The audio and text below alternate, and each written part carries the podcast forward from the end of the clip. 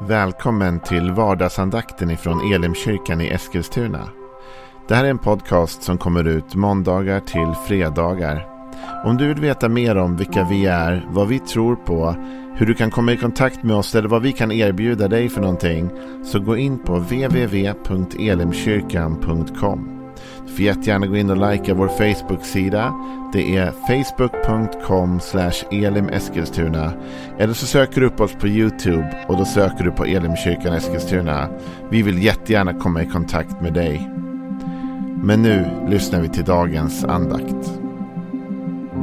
Välkommen till vardagsandakten och en ny vecka.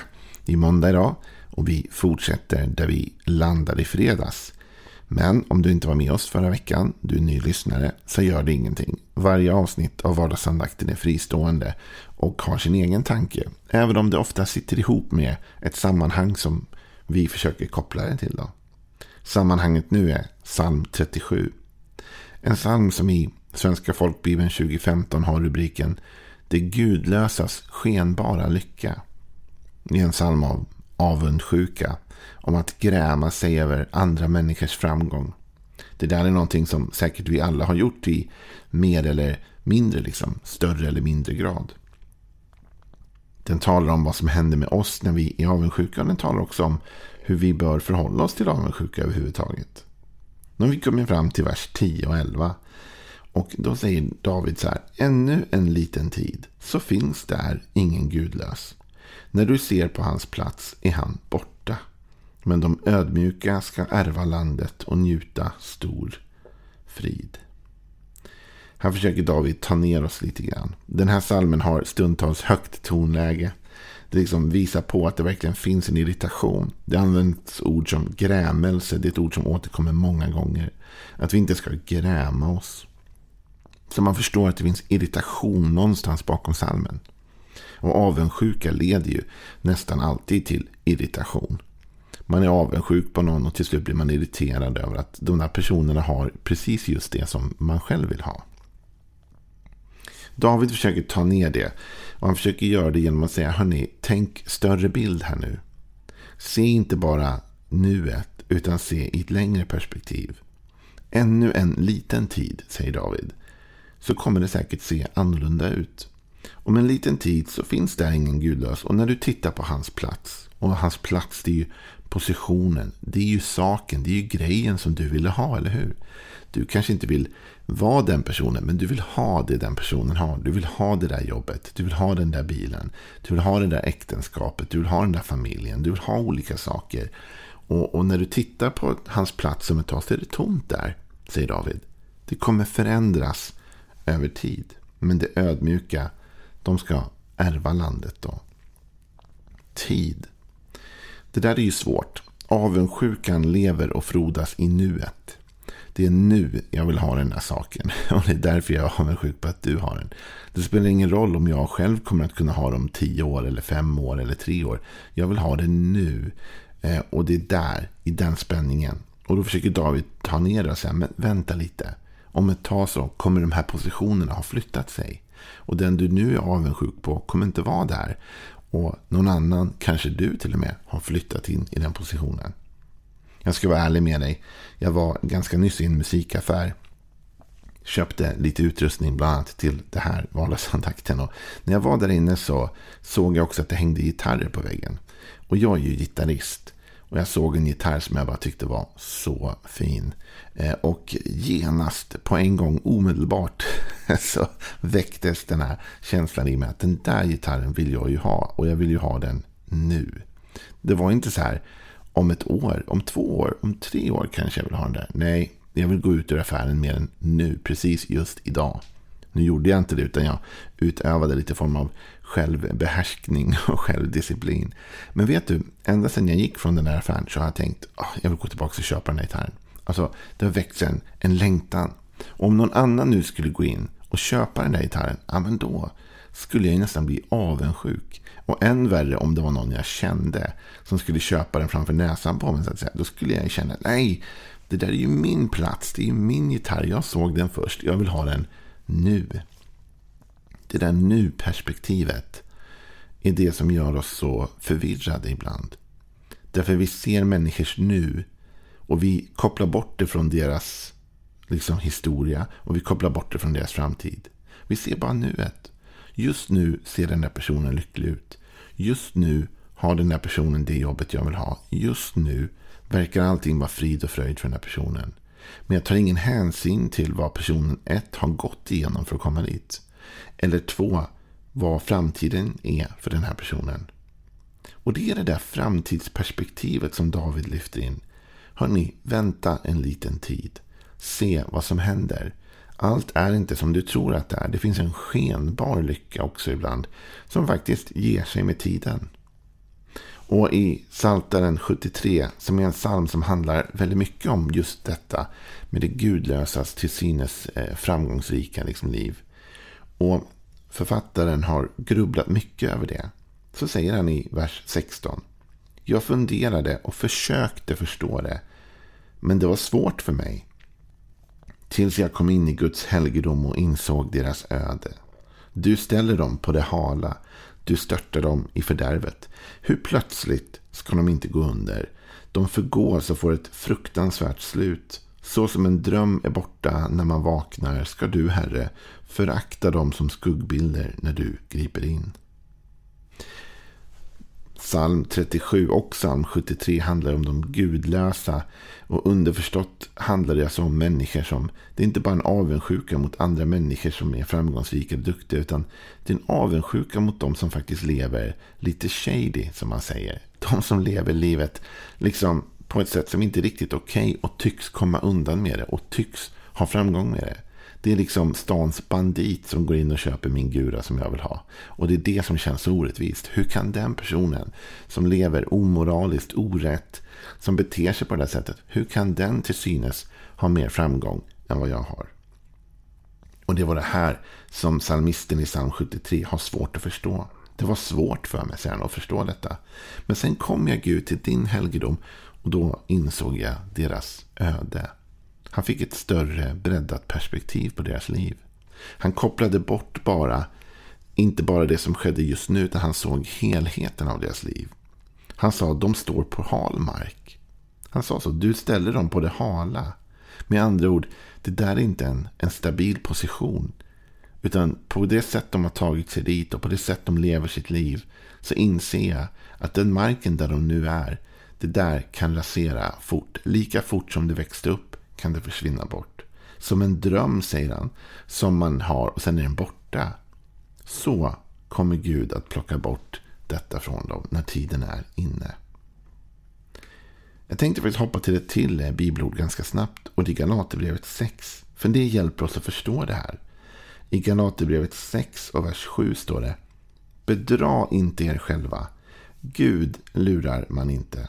Det människan sår ska hon också skörda. Den som sår i sitt kött får av köttet skörda undergång, men den som sår i anden får av anden skörda evigt liv.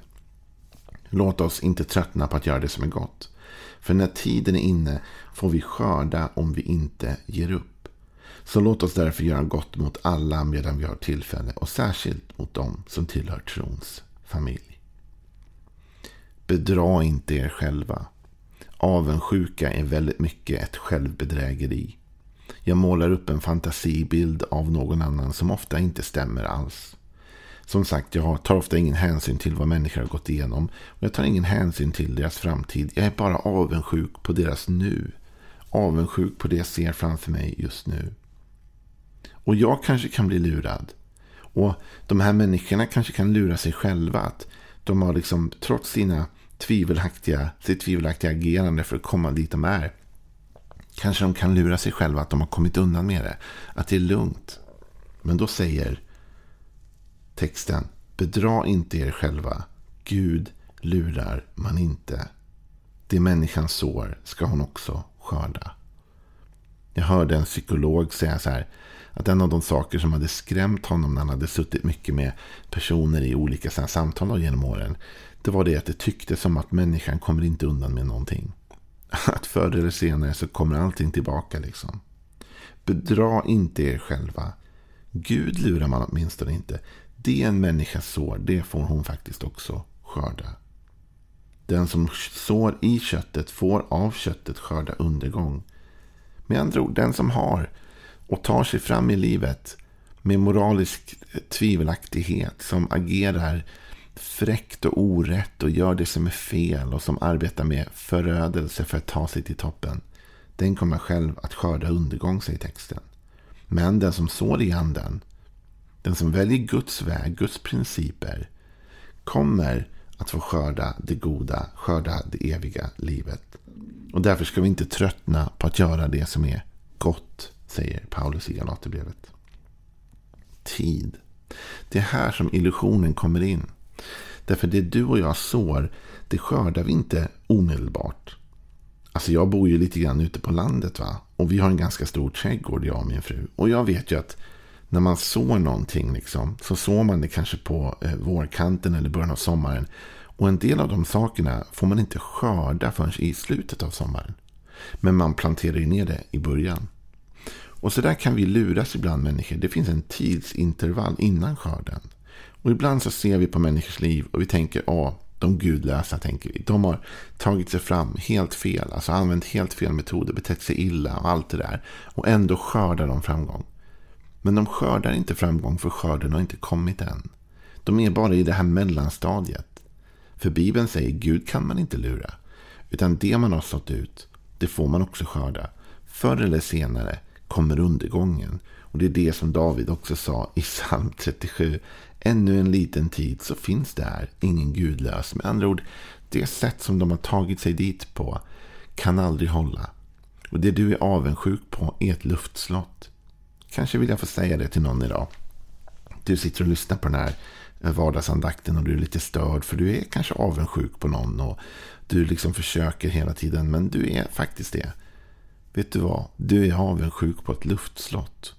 Ofta det du ser är inte sanningen. Jag vet inte hur många lyckliga familjer vi har sett som helt plötsligt slutar i skilsmässa. Eller hur många människor med toppjobb som helt plötsligt har blivit av med sitt jobb. Eller massa olika saker som är illusioner. Det är luftslott. Det är människor som lever i väntan på skörden. Så vad är det man ska göra då? Man ska göra det som är rätt. Och man ska lita på att Gud kommer låta oss skörda när tiden är inne. Vi ska lägga vårt fokus på att leva rätt och rättfärdigt inför Gud och följa hans regler, hans tankar. Arbeta långsiktigt. Kämpa inte för lättvunnen eh, rikedom. Det blir bara problem. Det där är Bibeln ganska tydlig med faktiskt. Och i Ordspråksboken kapitel 13 står det så här. Lätt fånget är lätt förgånget.